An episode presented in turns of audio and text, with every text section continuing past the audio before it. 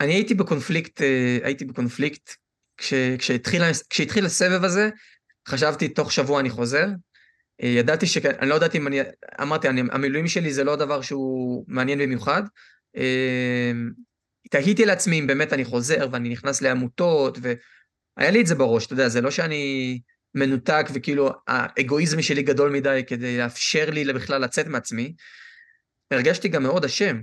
הרגשתי, הייתי פה חודש בערך, אני כבר פחות מרגיש אשם, הייתי פה חודש מתחושה של אני אשם.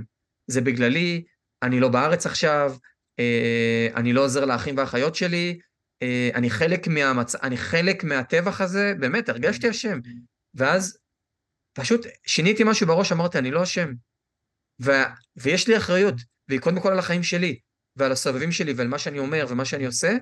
פשוט שאלתי את עצמי מה שאמרתי, אני לא בטוח שזה הדבר המדויק לי, אני לא בטוח ששם אני רוצה להיות כרגע, שאני רוצה להפסיק את מה שאני מתעסק בו עכשיו ולהיכנס לסרט שכולם חיים בו.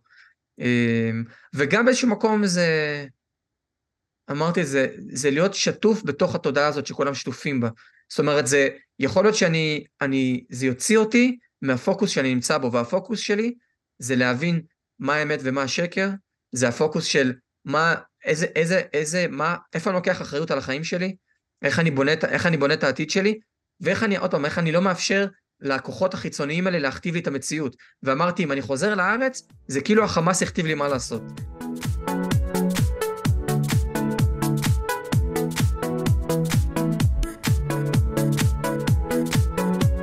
שלום לכולם ולכולן, ברוכות הבאות לפודקאסט הגמשת מסגרות חשיבה, והפעם נמצא איתנו אריק ציפקין. היי אריק. שלום, שלום, שלום זאב. איזה כיף uh, להיפגש ככה, להיפגש אמנם בזום, אבל uh, פגישה נשמתית. לחלוטין, כן, תודה, כיף להיות פה, תודה שהזמנת אותי. נהדר. איך אתה מתחבר לנושא הזה של הגמשת מסגרות חשיבה? Uh, מתחבר מאוד. Uh, אני, אני מאזין לפודקאסט שלך ואני מאזין, uh, שם לב שכל אורח uh, עונה על השאלה, אז ככה התכוננתי קצת. אמ, אני מאוד, אני מאוד מאמין בהגמשה באופן כללי. הגמשה זה, זה איזושהי תכונה ויכולת אה, שאני אני מנסה להטמיע אותה בעצמי, אם זה הגמשה של השרירים, אה, אם זה בכלל יכולת להיות פלקסיביליטי, להיות כל הזמן גמיש ב, אמ, בהחלטות, בשינויים, בשינויים של החלטות, אה, ב, כל הזמן להיות גמיש, כל הזמן להיות נוז, בין מוצק לנוזל. אני חושב שגמישות גם, גם בראש וגם במוח הם, דברים מאוד מאוד חשובים וגם קשורים אחד לשני. כשאתה יותר גמיש בגוף, הראש נהיה יותר גמיש, וכשהראש יותר גמיש, הגוף נהיה יותר גמיש. אמ, אז, אה, וזה כמובן מקרים למסגרות. אמ, מסגרות צריכות תמיד שיהיה להם איזושהי יכולת גמישות מסוימת. אה, לזוז, להיות דינמיות, להסתגל לשינויים, להסתגל אה, גם למשברים. אמ, אז בעצם כל, מש, כל, מש, כל, כל דבר שהוא גמיש, לדעתי, יש לו איזושהי חוזקה מסוימת ויכולת אה, שרידות יותר גבוהה. ואני עובד עליה המון עם עצמי, כן, כל הזמן להתגמש, כל הזמן לחפש איפה אני מקובע, ושם לנסות למצוא איזושהי פרצה ולנסות להכפיף את זה קצת ולהפוך את זה קצת יותר לז, לזז. זה, כן.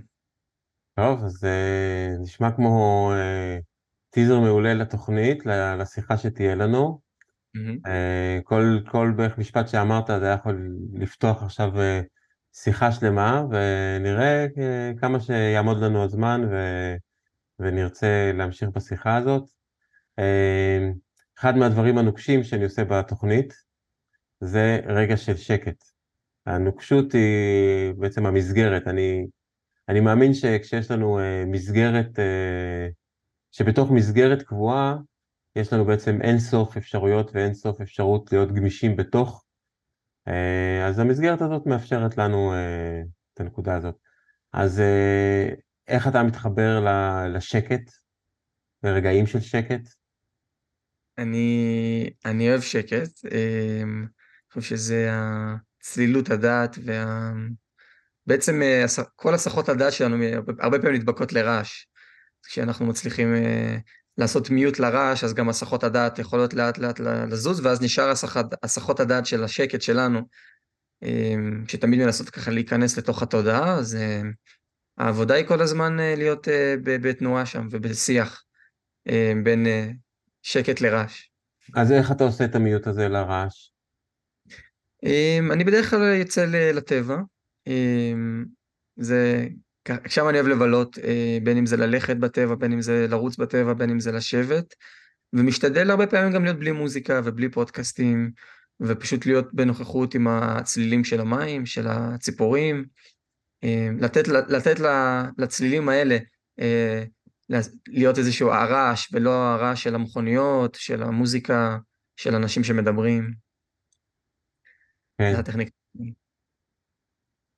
מגניב. כן. אז זו גם הזדמנות ככה להזכיר למי שמאזין לנו, רק מתוך הרגל, שהוא רגיל אה, להקשיב למשהו תוך כדי שהוא עושה משהו, אז לקחת איזה נשימה ולבחון האם באמת אה, זה מה שהוא רוצה לעשות, או שאולי הוא באמת רוצה להיות עכשיו קצת אה, בשקט, קשוב לעצמו, למה שעולה בו, לסביבה, וכשיבוא הזמן אז לבחור ולהקשיב לפודקאסט הזה יחד עם יחד עם אריק. אז, אה, אז בואו נעשה רגע של שקט עכשיו. יש לך איזה עצה אה, לי ולמאזינים ומאזינות איך, אה, איך לקבל את המיטב מרגע השקט? אני הייתי, אני, העצה הקטנה שאני מציע לעצמי קודם כל זה לנשום, להכניס דרך האף ולהוציא דרך הפה. פשוט להיות, להיות בתוך זה, זה דקה, וזה עוזר מאוד אה, להיות בתוך השקט ולהתקרקע. אוקיי, okay, אז אה, בואו ניישם את, אה, את ההצעה שלך, נשאף דרך האף וננשוף דרך הפה, ורגע של שקט מתחיל עכשיו.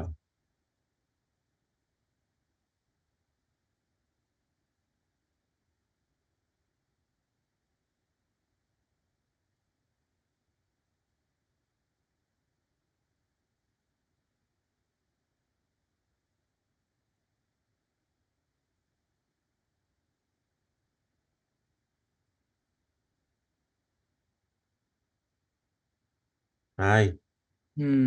שלום. שוב שלום. שוב שלום. איך היה לך?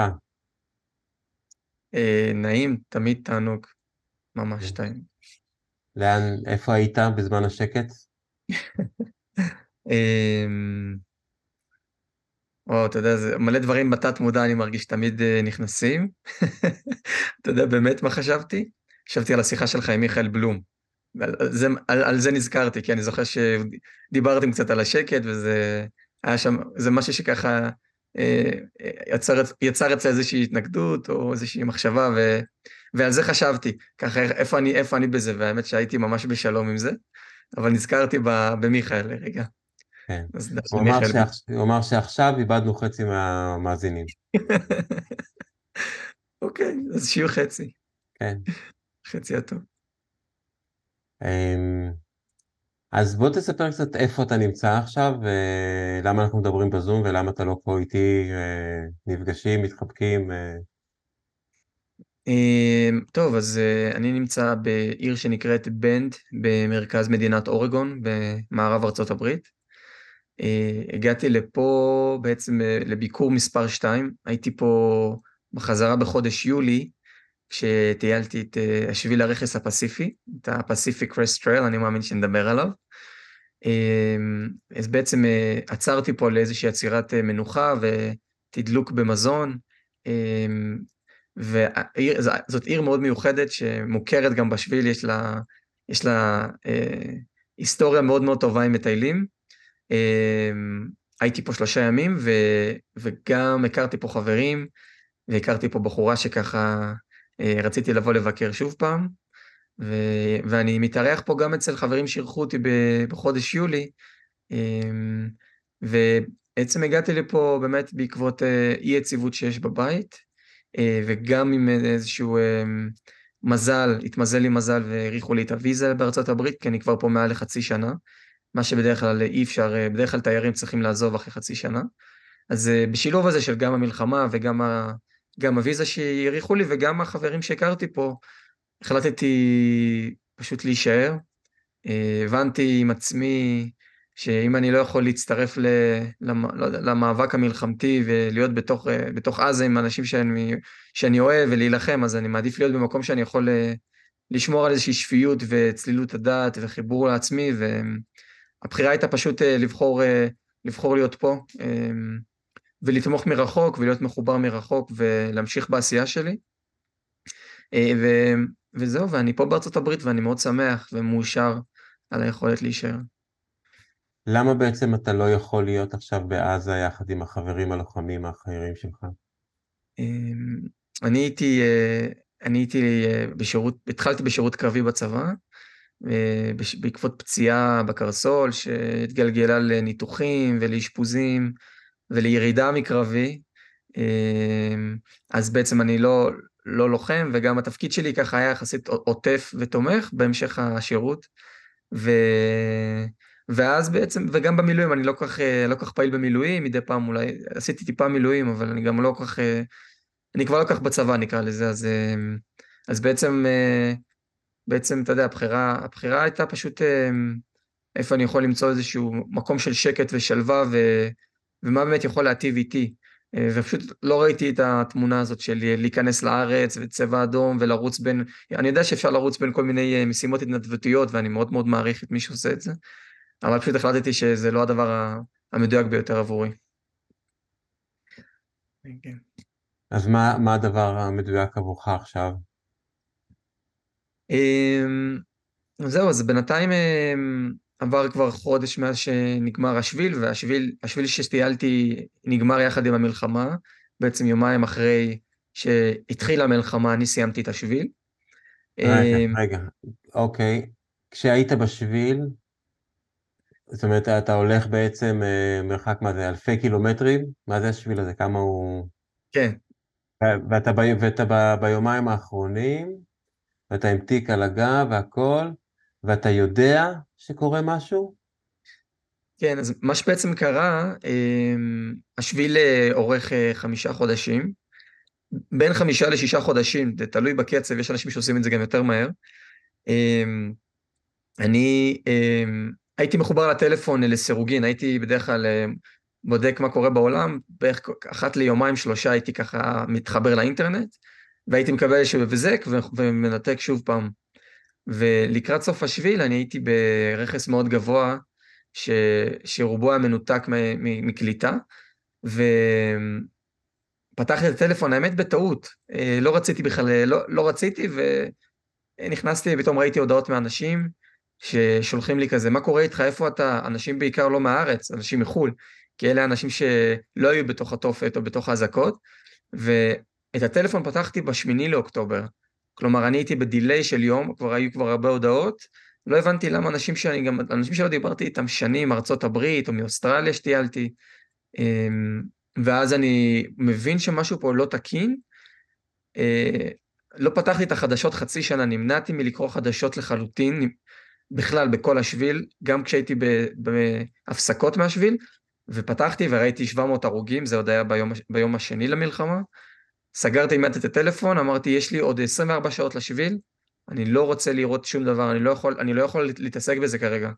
זה רק, זה רק יגרע ממני, זה רק יפגע בי אם אני אתחיל לקרוא ולהישאב לתוך מה שקורה, אבל היה לי לילה, לילה בלי שינה כל כך באותה לילה של השמיני באוקטובר, ובתשיעי סיימתי את השביל עם ה... כבר עם כל החדשות, והתחלתי להיות בתוך כל המערבולת הזאת. אז, אז ניגע, ניגע רגע בשביל. אה, עוד, עוד שניות, עוד שניות, אז בעצם יש כן. לך כותרת, 700 הרוגים, כן. ואתה הולך עם זה יום שלם, כן. לא ישן, לא ישן בלילה כמעט, כן. והולך עם זה יום שלם. אני אשמח כאילו, אתה יכול לתאר, כאילו, אתה שם לבד בעצם, מה, מה זה, מה, איפה, איפה, איך, איך זה פוגש אותך, מה זה מעלה בך, איזה מחשבות, איזה פחדים, איזה... אתה יודע, לפעמים הדמיון שלנו יכול להיות יותר גרוע מהדברים הכי גרועים, למרות שהדברים האלה היו ממש ממש גרועים, ומאוד מזעזעים, אבל איפה, כאילו, איפה זה היה בשבילך? באותו זמן שאתה רק כותרת? אה, תשמע, אה, שאלה מאוד מאוד טובה. תראה, אני הייתי במשך, עד המלחמה הזאת בעצם הצלחתי להיות באיזשהו ניתוק ובועה, ובועה, בעצם חייתי באיזשהו מימד אחר, בדיימנשן אחר של, של אני בטבע, אני בערים, אני מוקף במטיילים מכל העולם. אה, מדי, היו כל הזמן מחשבות מדי פעם על הבית, על משפחה, על חברים, התכתבויות עם חברים, אבל uh, הייתי ממש באיזשהו אי בודד כזה, ו, וחוויתי את החוויות, את החוויה הזאת, הטהורה הזאת. Um, כשאתה כל כך הרבה זמן בלי גאדג'טים, בלי טלפון, אתה רק עם פודקאסטים, עם מוזיקה מדי פעם, אבל אתה ישן בטבע, באוהל, תחת הכוכבים, כל הזמן אה, חי את הטמפרטורות, החום, הקור, אה, השמש, חי לפי הסייקלים, זאת אומרת, ממש חייתי באיזשהו, אה, במנגינה של הטבע. חייתי חמישה חודשים כמעט רק בטבע, עם עצירות של עיירות כדי לתדלק, באוכל ואוכל ואנרגיה קצת והטענת של הטלפון. הצלחתי למצוא, הצלחתי לנתק את עצמי מה, מהרעשים ומהמנגינה הזאת שאני חי בה ומכל ה... אתה יודע, מה, מהמרוץ הזה ש, שהייתי בו בין עבודה ללא עבודה, לחברים, ליציאות, לבילויים. וברגע שקיבלתי את ה-700 הרוגים האלה, אני זוכר, פתחתי את הטלפון, ראיתי את זה, אמרתי, וואו, וואו, וואו, וואו. אני חושב שלא הצלחתי להכיל את זה. אמ, היה בי, הדפתי את זה, סגרתי את הטלפון מיד, לא, לא נכנסתי לכתבות, לא התחלתי לראות, לא... אמרתי, אמ, אני כל כך רגיש עכשיו, ואני כל כך... אמ, התדר שלי כל כך שונה מזה, שאני אפול, אני לא אצליח לסיים את השביל. יש לי... אני חושב שהייתי במרחק, בוא נגיד 30 קילומטר, אולי 35, 40 קילומטר מהסוף, מהיום, האח... מהשביל, זאת אומרת, מתוך 4,300 קילומטר, סליחה, כן, 4,300 קילומטר, הייתי 30 קילומטר מהסוף. ולא, ולא ייתכן ש, שאני לא אסיים, לא ייתכן שזה ישבור אותי, אני חייב חייב לסיים, כאילו, אה, ניתקתי את זה, התחלתי ללכת ואז ראיתי אותי נכנס לספירלות של מחשבות, אה, ספירלות מאוד אה, מורכבות, אה, אתה יודע, כש... חוסר שקט מוחלט, ואני, ואני הולך, ואני זוכר שהייתה איזו ירידה, מיד אחרי שפתחתי את זה, כי הייתי על פסגה של ההר, ואז הייתה ירידה, ובירידה יש שם זיגזגים, ועם הזיגזגים גם המוח שלי מזגזג, ואני אומר לעצמי, אה, תנסה, עכשיו אתה באתגר, תנסה לסיים את השביל וליהנות ממה שיש. כי התחלתי לראות שאני כבר לא נהנה, התחלתי להרגיש שאני במרדף לסיים, במרדף לפתוח שוב. אה, היה שם, היה שם, אני חושב שכל החמישה חודשים האלה שהייתי בלי טלפון נבנו כדי להצליח להילחם בספירלה הזאת. אה, כן, תראה, להגיד לך שהצלחתי לחלוטין להתנתק לא, ובאמת אני זוכר שתוך כדי הליכה ככה הייתי, יחסית נרגעתי, אני חושב שהיה שם איזשהו שעתיים שלוש כאלה של חוסר שקט, ואז ירדו ככה גם עם הירידה הפיזית, ירדתי שם על העמק וקצת יותר ככה לניחותא, ואז נשקפתי בתוך הסק"ש, ואני לא שמתי את המגן גשם, כזה לראות את כל הכוכבים ולהגיד הלילה האחרון, זה איזה לילה של כוכבים, ואז, הדבר, ואז אני גם פתאום קולט, כאילו זה נכנס לי כמו, כמו כתבות לראש, פתאום כתבה על זה, כתבה, כת, כתבות כאלה. אמ, ואמרתי, טוב, אני מרגיש, ב, אני, ב, אני בלא נודע, והרפאתי מזה, אני חושב שישנתי את החמש שעות, השש שעות האלה, וקמתי בבוקר, והאמת היה בוקר מאוד מאוד מאוד קר, שדווקא הוציא אותי מהמחשבות, ובתוך הקור הזה לקח, בערך עד השעה תשע וחצי בבוקר הייתי פשוט בהישרדות קור, פשוט לא יאמן כמה קר היה. ואז, אה, ושוב פעם, הייתה, הייתי במגמת ירידה כל ה... מאז, מאז הטלפון הייתי באיזה פסגה של ההר עד הסוף, אז זה עזר לי גם פיזית אה, לעשות את זה יותר מהר וככה לגלגל רגליים. אה, וכשהגעתי לנקודה הסופית, שכבר הנה, אתה יכול להתחבר, הנה, תזריק את, ה, תזריק את החדשות לתוך הווריד, אז לא, לקחתי את זה טיפה באיזי, ואנשים ככה, גם אף אחד לא דיבר איתי על זה, היו שם חבר'ה אמריקאים, אף אחד לא מהמזרח התיכון, לא ישראלים, לא אירופאים, אף אחד לא דיבר על זה, אבל אנשים כן ידעו והם חיכו לראות את התגובה שלי, אני זוכר שממש אנשים כזה הסתכלו עליי וחיבקו אותי, אבל אף אחד לא, אף אחד לא דיבר וככה היה הכל בסדר, ואז, ואז או שאני, אני חושב שאני זרקתי איזה הערה ומישהו הסתכל עליי ואמר לי, וואו אחי, אני אתעלב איתך, אבל כולם היו במוד מאוד מאוד טוב ורגוע, וזה עזר לי גם לא להיות בפאניקה וב, ובכאב גדול. כן. וואו. נשמע, נשמע כמו מסע מהמם. כן, כן. מסע מהמם. אז בעצם זה היה היום האחרון של חמישה חודשים שהלכת? כן, כן. התחלתי ללכת אה, ב-24 לאפריל 2023. אה, את השביל התחלתי בגבול מקסיקו, אה, קליפורניה, מקסיקו, ממש בגדר שבנה טראמפ, יש שם גדר ענקית, יש שם אה, קוראים לזה הטרמינוס הדרומי, יש שם פסל יפה שבנו, וכל שנה מתחילים את ה-PCT, את ה-Pacific Rest Trail, בערך 4,000-5,000 מטיילים מכל העולם, במטרה לחצות את ארה"ב ברגל.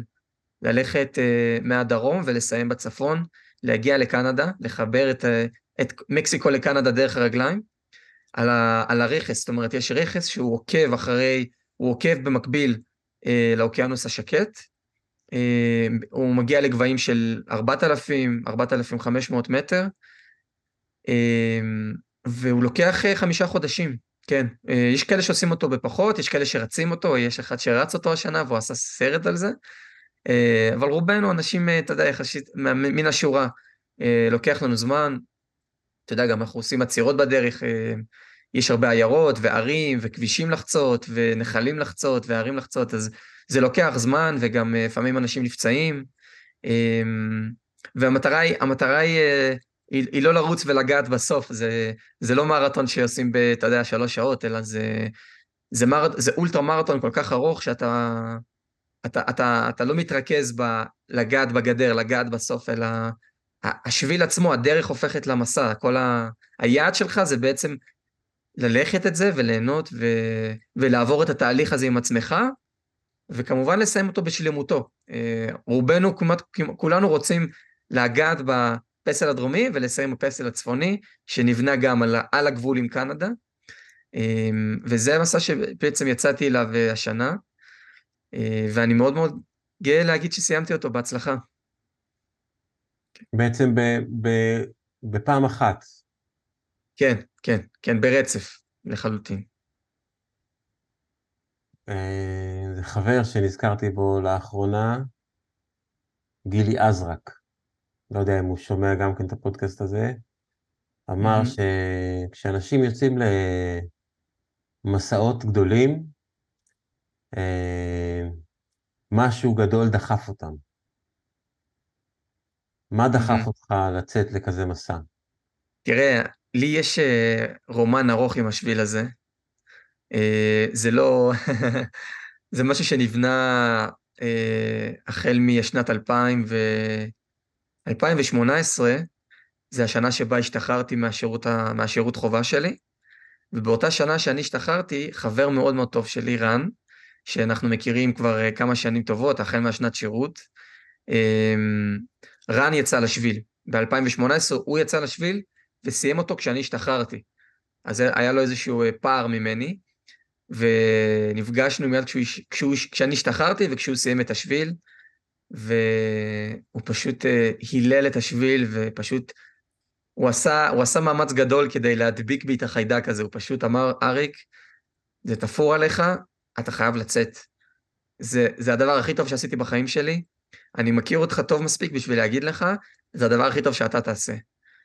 ואני, בדיוק באותו שלב, כשהשתחררתי, אני התחלתי לתכנן את שביל ישראל. אמרתי לו, תשמע, אני מאמין לכל מילה שאתה אומר, ואני מאוד מאוד מקווה שאני אצא גם, אבל uh, אני רוצה לראות את הבית קודם, אני רוצה לטייל ב- בישראל, ובכלל אמרתי לו, אני קודם כל אעשה את, השביל, את שביל ישראל בהצלחה, ואז אני אצא ל-PCT, והוא אמר לי איזו אמירה כזאת, הוא אמר לי, תשמע, אם אתה לא תצא ל-PCT השנה, אתה לא תצא אף פעם. אתה חייב לצאת, עכשיו. ואמרתי לו, מה אתה עכשיו מפיל עליי? אל תלחיץ אותי, אני, יש לי זמן, אנחנו, מה, אנחנו בני 22. ו, ומה שהוא באמת התכוון אליו, הוא אמר, תשמע, זה חמישה, שישה חודשים מהחיים שלך. זה לא משהו שאתה, זה לא משהו פשוט למצוא, ואנחנו כרגע בתקופה כזאת של ביניים, אם אתה רוצה למצוא שישה חודשים, תצא עכשיו. ואני ביטלתי את זה והלכתי לשביל ישראל, אמ, ככה בתחושה מאוד שלמה, ומאוד מאוד נהניתי בשביל ישראל, מאוד, היה לי מאוד מאוד מוצלח, וכשסיימתי אותו אמרתי, אני יוצא ל-PCT, חד משמעית. ו- ומאז בעצם מ-2019, כל שנה ניסיתי להבין מתי אני יוצא ל-PCT. ואנחנו כבר ארבע שנים אחרי 2019, ואני כל פעם ניסיתי לחפש את הזמן ואת הדרך, וראיתי שזה לא קל, ואז שנה אחרי זה, ב-2020 הייתה קורונה, ואני הייתי באוסטרליה. ותוך כדי שאני באוסטרליה, אני גם מתכנן את ה-PCT, אני כבר מחפש את הטיסות, ואני כבר צריך לעשות, אה, להשיג אישור מראש לשביל, אתה צריך להירשם באינטרנט, לאתר של ה-PCTA, יש להם אגודה, ויש הגרלה, אתה צריך ליפול בהגרלה, לקבל תאריך, ואז לתכנן את כל השביל שלך בהתאם להגרלה. ונרשמתי להגרלה החל משנת 2021, הייתי כבר. הייתי פעמיים בהגרלה וקיבלתי תאריך ולא ניצלתי את זה, עד שב-2023 אמרתי, זהו, זה, זהו, זאת השנה, הכוכבים מסתדרים, אני לא התחייבתי לאוניברסיטה, לא התחייבתי לעבודה עם משכורת של אה, חמש ספרות, אני הולך, אני, אני הולך לצאת לשביל, נרשמתי להגרלה, היה לי מאוד קשה לקבל תאריך, Uh, השנה הכי, הצלחתי לקבל בשנים הקודמות וזאת הייתה השנה הכי קשה, אבל הצלחתי לקבל את התאריך שרציתי לסוף אפריל, ואמרתי, אני עושה הכל, אני משאיר את הרכב בארץ, אני עוזב את הדירה בארץ, אני מבטל את כל העבודות שלי ואני עושה הכל כדי לצאת לשביל, וזה קרה. וזה באמת התחושה הזאת של איזה מזל, תודה, ל, תודה לאלוקים על זה שהצלחתי לפנות ולצאת, זה האתגר הכי גדול בעיניי, זה הזמן. לא המרחק ולא הפיזי ולא הכסף, זה הזמן. אה, והנה אני פה יושב, כן, אחרי, ש... אחרי שעשיתי את זה. אז מה זה עשה לך טוב? מה, מה יצא לך? מה הרווחת? מה... אומרים שאנחנו בעצם באנו הנה לעולם הזה כדי uh, ללמוד ולהתפתח בדרך uh, הבנה, אז כאילו אומרים uh, ככה צריך להיות במוד כזה של אה, קמתי, הבנתי, אכלתי, הבנתי, הלכתי לעבודה, הבנתי, חזרתי, הבנתי. הבנת? אז מה הבנת? וואי וואי, מה הבנתי? אמ, אני יצאתי לשביל אמ, במטרה להאיר לעצמי עם פנס על, ה, על, הש, על הדרך. הרגשתי עם החיים, אתה יודע, עם המסע בחיים ועם הידע שאני נחשף אליו, עם ההרגלים שאני מקנה לעצמי, אני יותר ויותר מבין מה האמת ומה השקר, או מה העיקר ומה הטפל. לאט לאט, אני בורר את זה. לוקח הרבה זמן. אמ, בחרתי לצאת לשביל במטרה לזקק את זה, ולהצליח להאיר לעצמי עם פנס, עם פרוג'קטור, על הדרך, על הדרך אחרי השביל, בעצם הרגשתי שהשביל הוא גשר בין, בין, בין המסע שחוויתי עד הרגע של השביל, ואז השביל יהיה איזשהו גשר ואיזשהו מנהרה כזה שמאיצה אותי וזורקת אותי לתוך uh, מציאות שאני יוצא ממנה, שאני נכנס אליה אחרי השביל ואני יכול להבין מה מעניין אותי ומה אני רוצה לעשות, איפה האנרגיה שלי, איפה, איפה, אני, איפה אני מרכז את הזמן שלי.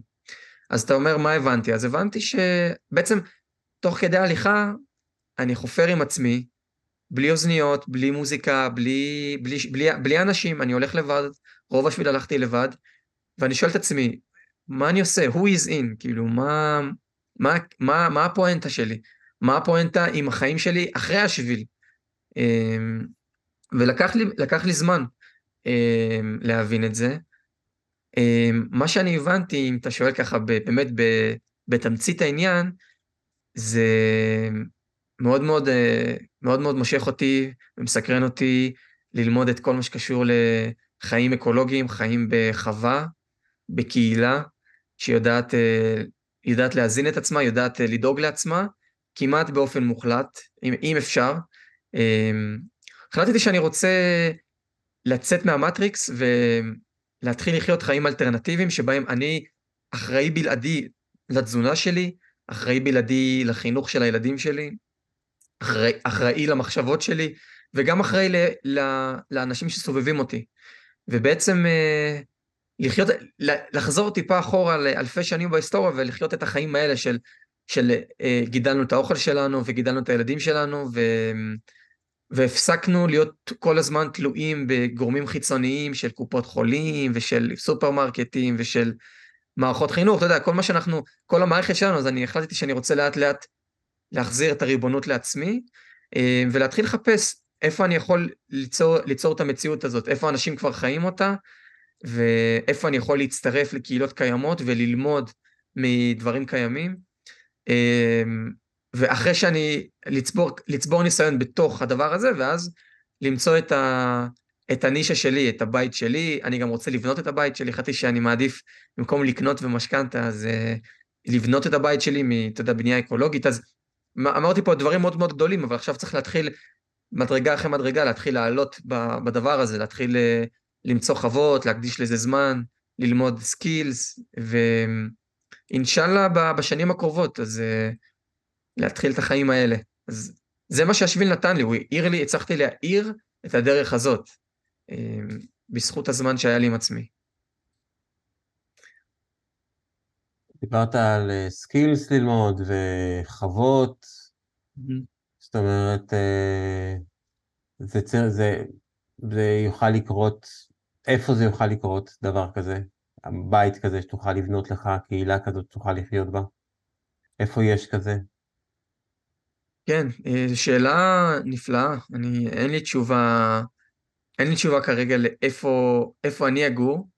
אני כן יודע שיש קהילות כאלה שאני כבר מתחיל, כבר התחלתי, מרגע שזרקתי את העצם לא, לאוויר, אז פתאום ראיתי שאני, שיש, יש, היא, היא נוחתת בכל מיני מקומות, ראיתי שיש קהילות פתאום שאני נחשף אליהן ביוון, ובפורטוגל, ובברזיל, ו...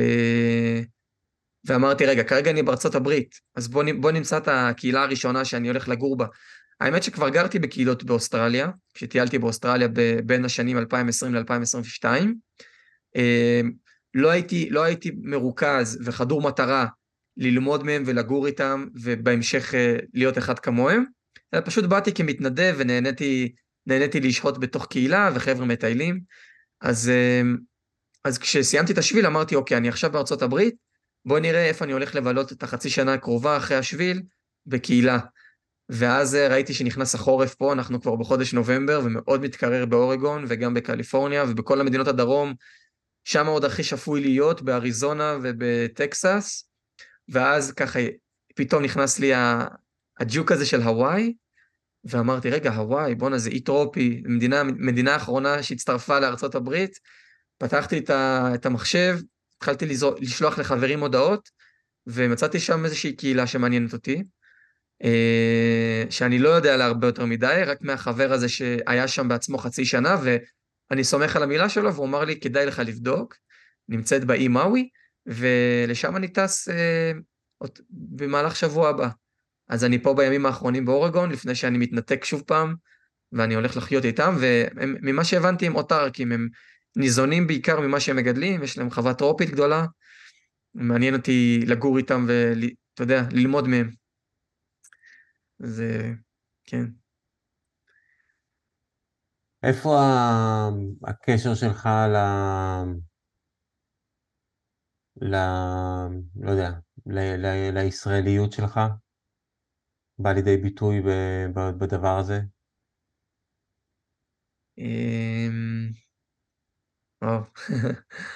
אמ, אני ישראלי מאה אחוז, כאילו, אני לא, אני לא שום דבר אחר. אמ, אני, אני, אני, אני כן אגיד ואומר שאני לא בטוח שאת החזון הזה אני אוכל להגשים בארץ. אני חושב שהאולטימטיבי היה כן, ש... אני חושב שלגור באותה מדינה שבה גדלת, בערכים, בשפה, אמ, זה אולטימטיבי, זה אידיאלי. יש לנו הרבה בעיות בארץ, והתקופה עכשיו היא מאוד חשוכה ומאוד קשה לראות את האור בעתיד ולדמיין עתיד אה, ורוד ושקט ושאנחנו עטופים בשלום. אה, אני מנסה, אני מנסה להאמין שכן. אמ, יש קהילות בארץ, אחת שאני דווקא מאוד אוהב ביבניאל, קוראים לה גן החיים, שלא הייתי בה, אבל אני מאוד רוצה לחזור לארץ, לבקר ו- ו- וגם לחיות איתם כמה שיהיה. אה, זה גם בחור שאני מכיר, אגב, הוא גם לקט. אה, אז אה, כן, אני אשמח אה, לבקר אותו. ותראה, גם, גם כשאני בא עכשיו להוואי, אז דיברתי בטלפון עם, ה, עם הבחורה שתארח אותי, והשאלה השנייה שלה הייתה, מה, מה דעתך לגבי מה שקורה בישראל? כי אני מבין שזה מעסיק אותה, אז ברור לי שאני הולך להביא את הישראליות שלי ואת ה... אתה יודע, גם עם זה שאני תומך או לא תומך, או מתנתק, או מכחיש, אני מביא את זה איתי לשם, ו- וזה יעורר שיח, וזה יעורר משהו, ואני מבין את זה, ואני, ואני במטרה, אני במטרה להיות שם. אמ, אני אומר לעצמי שאני לא בא, לא, אני לא בא לטיול הסברה, ואני לא בא להיות עורך דין של ישראל, או אתה יודע, להגיד אנחנו בסדר ותתמכו בנו, אלא אני פשוט הולך להגיע לשם ולהגיד אני ישראלי, ויש כל מיני ישראלים ויש כל מיני דעות, ואני בא לחיות איתכם, ואני בא להביא את השקט ואת השלום, ומי שרוצה, מי שרוצה ללמוד ולשמוע ולהבין איפה אנחנו גדלנו, מי שרק ניזון מהתקשורת וחושב שאנחנו הכובש, ואנחנו ה... תמיד אנחנו הרעים בסיפור הזה, הנה בוא אתה יכול לדבר איתי, להקשיב, לראות, לשמוע את הדעות שלי, ולהבין שהמציאות היא לא שחור ולבן, זה לא הטובים נגד הרעים. ו... ו... ואתה יודע, ופשוט אה, למצוא, למצוא דרך ביניים, ואני גם אמרתי לעצמי, אם אני רואה שזה מלחיץ אותי וזה לוחץ עליי וזה פוליטי לי מדי, אני, אני משחרר. אני לא, אני, לא ב, אני לא במטרה, אני לא בטיול פוליטי, אבל, אה, אבל אני תמיד שם כדי לדבר ולספר, ופגשתי פלסטינאים בטיולים שלי, ופגשתי ערבים ממרוקו, ותמיד תמיד מרגיש נעים לפגוש אותם ולהגיד, וואו, אנחנו אף פעם לא פגשתי אנשים כמוך, אנחנו מדינות אויב, כל מיני בולשיטים כאלה, ולתת להם חיבוק ולהסתכל להם בעיניים ולהגיד, בואנה, אנחנו בני אדם, ואנחנו תאילנים ואנחנו סקרנים, ואנחנו ניזונים מהרבה שקרים ומכל מיני מסגרות כאלה שלא לא גמישות, אתה יודע, של המדינות שלנו, שכופות עלינו כל מיני מחשבות. והנה אנחנו פה משחקים פינג פונג. זה, זה, זה מה שאני אוהב. זה. אני, אני במטרה לפגוש ולתת חיבוק ולהסתכל בעיניים ולהגיד אנחנו אחים, בלי כל, בלי כל השקרים האלה שיש מסביב. כן, כן, מעניין שאמרת את הדברים האלה. אמ, אז גם, גם זה נשמע כמו איזשהו אה, מסע מעניין ללכת, והשאלה שהיא שאלה אותך על אה, מה דעתך, אה, גם, גם הדעות משתנות, לא יודע, לי הדעה הייתה מסוימת אה, במשך הרבה שנים, ואז היא השתנתה לדעה אחרת, ואחרי זה היא השתנתה לדעה אחרת. במסכת של החמש בחירות בתוך שנתיים, אני חושב שהצבעתי כל פעם למישהו אחר. כן. אה, אז הדעות שלנו יכולות להשתנות. שזה אחד מהדברים המעניינים גם, זאת אומרת, אה, גם לא צריך להיאחז במשהו, זה יכול להיות גם ללמוד משהו אה, דווקא ממישהו שלא נמצא בתוך הסיטואציה הזאת, ממש, שהוא ממש מרחוק. אתה אמנם לא בתוך הסיטואציה, אבל אתה, הלב שלך עוד פה, ומשפחה אולי, ודברים כאלה, אז... אבל הם ממש מחוץ לסיטואציה, וזה יכול להיות מעניין לשמוע מה דעתם, איך הם רואים את הדברים. אה, ללמוד, אה, באמת, אני לא חושב שאפשר להסביר וללמד מישהו אה, משהו אה, שהוא לא, זה פשוט לשמוע אותם, להבין אותם, לראות מה הם אומרים, גם לעמוד על שלך זה מאוד מאוד חשוב, אבל זה, זה נשמע כאילו,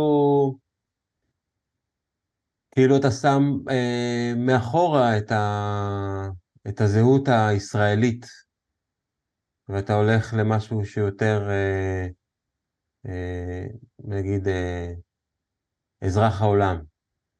נכון. שבמקרה נכון. נולד בישראל. אני, אני, אני, אוהב, אני אוהב את המונח אזרח העולם מאוד, כן. מדבר אליי מאוד. כן. אבל אזרח העולם, יש לך פה משפחה? כן, בוודאי, כן, כן, משפחה גרעינית בארץ, בטח. מי פה? אמא, אח ואחות. ויש גם שני סאבים ויש גם דודים רחוקים, אז בעצם, בעצם אה, הרוב המוחלט, יש, יש גם דוד, יש דוד ובני, ובני דודים ב, ב, בניו יורק, ויש גם עוד בני דודים שנשארו באוקראינה, שאף פעם לא עזבו את אוקראינה, אבל אה, אנחנו משפחה יחסית קטנה, אין לנו, אין, זה לא, אנחנו סובייטים, אה, אז אתה יודע, אח, אח אחד לאימא, אח אחד לאבא, וכזה, אז אנחנו מאוד קטנים. אבא לא בחיים, אז, אז גם כן קברו בישראל כמובן. אז, אמ, אז זהו, אז אנחנו, כן, כן, אני, אני גם, אתה יודע, גם כל החברים שלי הטובים ביותר הם בישראל, זה לא ש... זאת אומרת, זה שאני ככה ציפור נודדת אה, ומסתובבת, אה, אבל אה, תמיד תמיד השורשים הם בישראל והלב הוא בארץ, גם עם זה שאני, תמיד העיניים שלי פתוחות ותמיד סקרנות שלי והרצון שלי לחיות במקומות שונים בעולם ולכל מיני, אתה יודע, אקלים שונים. ותרבויות שונות וסגנונות שונים מאוד מעניינים אותי ומלמדים אותי, אבל uh, אני אף פעם לא, אף פעם לא אשכח ולא אטשטש את הזהות הזאת, ותמיד עברית תהיה השפה שאני הכי אוהב לדבר בה עם עצמי, ולחלוטין. ונראה לך, כשאתה פוגש ישראלים, עכשיו שפגשת נגיד בשביל, פגשת ישראלים? Uh, מעטים, כן, היינו, פגשתי ארבעה לכל היותר, כן. כן. אה, יש איזו הזדהות עם הישראליות? בוודאי, בוודאי, בטח, בטח. אנחנו... כשאתה פוגש ישראלי זה, זה במקום, זה חיוכים, ואם זה חיבוקים, אה, וישר ככה מוציא אותך רגע מאיפה שאתה, ואתה כזה ישראלי פה איתי, ב... ישבנו, ישבנו בוושינגטון באיזו עיירה תיירותית כזו, וישבתי עם אה, שני אוסטרלים ועוד אמריקאים, אוכלים גלידה, יושבים כזה, ופתאום אני שומע עברית ככה כבר מקילומטר, ואני אני כבר, אני כבר מוכן, הם מגיעים, ואז אני רואה אותם, וזו משפחה כזאת, אתה יודע, מזרחית כזו, הולכת, צוחקת, והם באו, באו מסיאטל, ואז אני עוצר אותם, היי, ישראלים, ואתה יודע, היינו מוקפים בלא ישראלים, פשוט ברגע הזה, הרגע הזה של הישראלי הזה, שהם בכלל לא מתי, אתה יודע, הם לא חבר'ה שביליסטים כמוני, במקום אנחנו מחליפים ומדברים ומה ופה ואיפה לאן ו...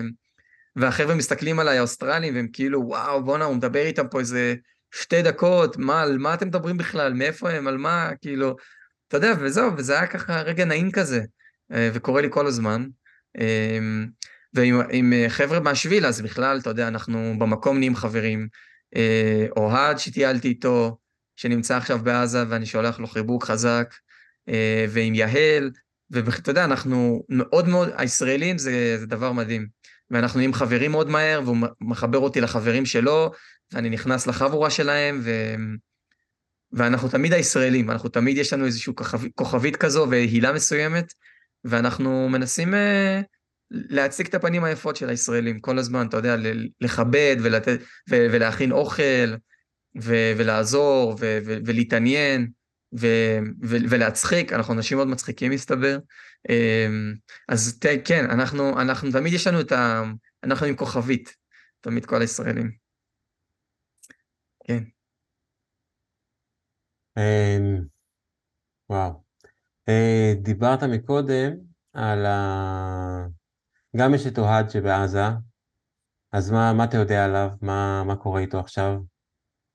אמ, וואו, זאת שאלה מעולה, האמת שהתכתבתי איתו כמה פעמים.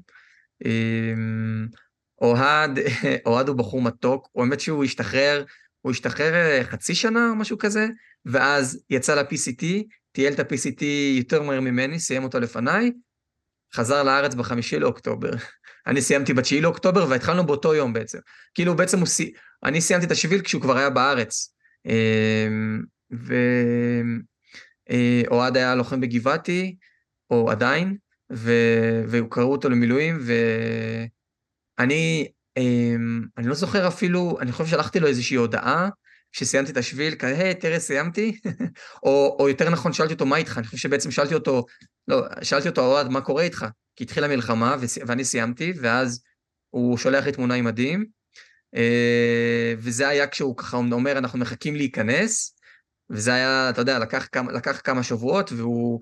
ואז אני יודע שהוא כן נכנס לרצועה, ואני לא יודע מה קורה איתו. אמ, יכול, יכולתי לעקוב יותר, אבל אני, אתה יודע, אני ככה, אני לא רוצה להיות, אני לא, אני אוהב להיות במעקב, במעקב שהוא על בסיס שבועי, פעם, פעם בשבועיים, אני רוצה שיהיה לי איזשהו מינון מסוים, ולא להיות מחובר, אתה יודע, כמו באינפוזיה. אמ, אבל אני יודע שהוא בלב הלחימות, אני יודע שגבעתי אריות שמה, ו... והוא בחור אה, מדהים וחזק, וכן, ו... ו... והלב איתו, ואני אמשיך לעקוב אחריו בטפטופים ולא להעמיס עליו. גם חבר אחר שהוא מהארץ, אני, הוא לא פתח הטלפון כבר איזה שבועיים. אז uh, יש שם חבר'ה שהם פשוט שבועיים בלי טלפון. זה מאוד, uh, מאוד uh, מעורר דאגה וחוסר שקט. כן. נראה גם קצת סוג של חוסר אונים, תכלס אין לך מה לעשות בעניין. כן, זה נכון. בעיקר, אה, אתה יודע, בסוף התודעה, בסוף זה העבודה, העבודה שלי זה ה... איפה, איפה, איפה, איך אני חי בתוך זה, כמה אני מרשה לעצמי להיות מחובר לחדשות, כמה אני מרשה לעצמי לכעוס, כמה אני, כמה אני מלא תקווה, כמה אני מלא ייאוש. בעצם העבודה הזאת היא עבודה של התודעה שלי, ואני מאמין שזה גם מקרין על התודעה הקולקטיבית. ו... כן, כמו שאמרתי, אם אני לא יכול לבוא ולקחת נשק ולרוץ ולהסתער, אז אני מעדיף לשבת ול, ולעשות טוב ולהפיץ טוב ולפגוש אנשים זרים פה בארצות הברית ולהגיד, הנה, יש אותי ואני, מייצ... ואני ישראלי ואני לא מייצג אף אחד, אבל אתם יכולים ללמוד ממני על העם הישראלי, אתם יכולים לשאול אותי על איפה אני גדלתי, ו... וגם, אתה יודע, ו... ולהנפיח תקווה בעצמי ובאחרים. ו... וזה מה שאני עושה, אני בעיקר עובד על עצמי. ואני מרגיש שזה זה, זה עוזר, זה עוזר לי וזה עוזר גם לכל מי שמסביב. איך המשפחה שלך מקבלת את זה שאתה רחוק? תראה, אני רחוק כבר uh, מ-2020. אני הייתי, יצאתי לאוסטרליה, בלי ידיעה שמתחיל הקורונה, נכנסתי למדינה לפני שהתחיל הסחרור, ו- וסגרו את הגבולות, וסגרים, ואתה יודע, ואוסטרליה נכנסה שם לאיזשהו נכנסה לבלגן עם עצמה, אמ, והייתי שם עד סוף 22. הייתי כמעט שלוש שנים שם. זה. היה, מורג... זה היה מורגש? זאת אומרת, איפה שאתה היית, הרגשת את, ה... את הלחץ הממסדי של הקורונה? זאת אומרת, אה, אם זה היה, לא יודע מה היה שם, חיסונים, אה, בידודים, מה זה היה שם, מלונות שיקום ל... לבידוד? וואו, תשמע, נושא הקורונה הוא, הוא נושא ענק, ואני מאמין שרק על קורונה באוסטרליה יכולתי להקדיש לפרק נפרד עם, אתה יודע, תת פרקים. מה שאני יכול להגיד זה שאני הגעתי למלבורן ב-2020, חודש וחצי לפני, זה, אני הגעתי למלבורן כשהתחילו המקרים הראשונים לצאת מסין, אז האוסטרלים, כמו רוב המדינות, לא הבינו בכלל מה רוצים מהם, שום דבר, ותוך חודש הפיכת קערה, סגירת, נעילה של הגבולות, אין יוצא ואין בא. הם יותר נכון ניסו לתת לכמה שיותר לצאת, הם רצו לדלל את השורות, בעיקר של הלא אוסטרלים. אמ, ואז הייתי בסגר מאוד מאוד מהודק במלבורן, חצי שנה, שבעה חודשים, סגרים איומים, זו התקופה אולי הכי חשוכה בחיים שלי, של ממש חושך, גם היה נכנס החורף שם, והיה אמ, איום ונורא. ואנשים בדיכאון, ואתה יודע, דיברתי על, על, על התודעה הקולקטיבית, אז אני יכול להגיד לך שבימים האלה הייתה תודעה קולקטיבית שכולם היו בדיכאון. חד משמעית, כולם היו בסטרס, דיכאון, חוסר אונים, חוסר יציבות, ו, וסוף העולם מתקרב. אבל אז אה, התאוששנו מזה, ואוסטרליה קצת פתחה את הסגרים, כי הם הצליחו לדלל את המקרים, לא יודע מה הם עשו שם, ואז אה, אני קניתי רכב ועפתי ממלבורן, ואמרתי, לא יותר, אין יותר, לא עוד. והתחלתי להסתובב עם הרכב שלי בין חוות, עבדתי בכל מיני מקומות מבודדים, ו... ופשוט החלטתי שמעתה והלאה, כשאני שומע שמתחיל להיות סגר, אני מתרחק מהמקום. ואז הייתי בתזמניה, ויצאתי מתזמניה, הגעתי לסידני, הסתובבתי, ולאט לאט התחילו לטפטף מקרים וסגרים חדשים בסידני, ויצאתי מסידני, התחלתי לעלות צפונה, ובעצם הייתי ש... שנתיים בדרכים, ובאורח פלא, אחרי כל מקום שטיילתי בו, התפרצו, התפרצה קורונה וסגרו את המקום. אז סידני סגרו, ואחרי זה סגרו את בריזמן, ואחרי זה סגרו את קיינס, ואחרי זה סגרו את דרווין, ואז סגרו את מערב אוסטרליה, ואני עשיתי איזשהו לופ כזה סביב אוסטרליה, וכשנכנסתי למערב אוסטרליה, סגרו את מערב אוסטרליה. אז אני מרגיש, ש... אני מרגיש ש... שקיבלתי מתנה אחרי שסבלתי כל כך בחצי שנה במלבורן, זהו, אתה נקי, אתה מקבל חופש, ו... ולא כל אוסטרליה הייתה בסגרים, היא לא כמו ישראל קטנה, אלא אתה יודע, אם המזרח סגור אז המערב יכול להיות פתוח, ואז אם המערב פתאום יהיה פתוח, יכול להיות שזה ייסגר. אז הצלחתי ליצור איזשהו מסלול עוקף קורונה, והייתי במסיבות, והיה כיף, והייתי בחופים, ולא הייתי עם מסכות, ו... וגם כשהיו את כל הזריקות וזה, אז מצאתי את הדרך שלי ליהנות ולטייל, וזה לא, לא תמיד עניין אותי, אבל אמ, כן, יצאתי מאוסטרליה בתחושה שהקורונה פג... נתנה לי אגרוף, אבל אחרי זה הצלחתי אה, לחיות את החיים שלי הנורמטיביים, ולא נתתי לד... לדרמה הזאת יותר מדי אה, להפיל אותי ו- ו- ולשטוף אותי בכל הפחד הזה ש- שאנשים חיו בו. אני חייתי את החופש ואת הכיף. מדהים שזה בא מיד אחרי שאמרת לא עוד, וזה היה כנראה אמירה מספיק ברורה שהיקום אה, הצליח לשמוע, ובאמת לא עוד. ו... זה מדהים. עכשיו, אה, מצד שני, סיפרת על זה שהיית במקום ואז הוא נסגר, ואז היית בעוד מקום ואז הוא נסגר, אז ישר חשבתי, אולי אתה בעצם היית הסופר ספרדר, שהקפצת, פיזרת את הקורונה ופיזרת את זה, אבל אה, כמו כן. שאומרים, אחרינו המבול. לגמרי, לגמרי. כן. אה, לקחת חיסונים שם? אני לא התחסנתי, לא, אני... אני... אני אני פשוט הרגשתי שזה לא נכון. אמ, אני חושב שהדבר הדבר שדיברתי עליו אה, כבר במהלך הפרק עכשיו זה הריבונות שלי. אמ, אני מאוד מאוד, זה, זה איזשהו מושג שהתחלתי להנחיל עם עצמי לריבונות, והבנתי שלוקחים את הריבונות, מישהו מחליט, מישהו נתן, לא יודע, איזה מחקרים, ומישהו החליט שזה בסדר. אמרתי, רגע, מה, מה, זה, מה זה החליט הזה? איפה. למה תוך שנה אתם מאשרים דברים כאלה? מה, מה קורה פה? כאילו, היה פה, היה פה איזשהו עסק מסריח, שהרגשתי שמנסים למכור לנו משהו בזול בחינם, אתה יודע, כשנותנים לך מתנה בחינם, קודם כל תשאל למה זה בחינם, כן? אה, אין מתנות, אין, אין דברים בחינם בלי סיבה מאוד, אתה יודע. אה, ואני פה החלטתי לחכות, ולא הייתה לחץ חברתי, לא הייתי בישראל, זה לא שאימא שלי התחסנה ואמרה לי, אימא שלי התחסנה בארץ, אבל היא ממש לא אמרה לי לך תתחסן, ו... וחיכיתי וחיכיתי, אמרתי נהיה על הגדר, התחלתי להסתובב עם הרכב, התחלתי ליהנות, הייתי מוקף בהרבה אנשים לא מחוסנים.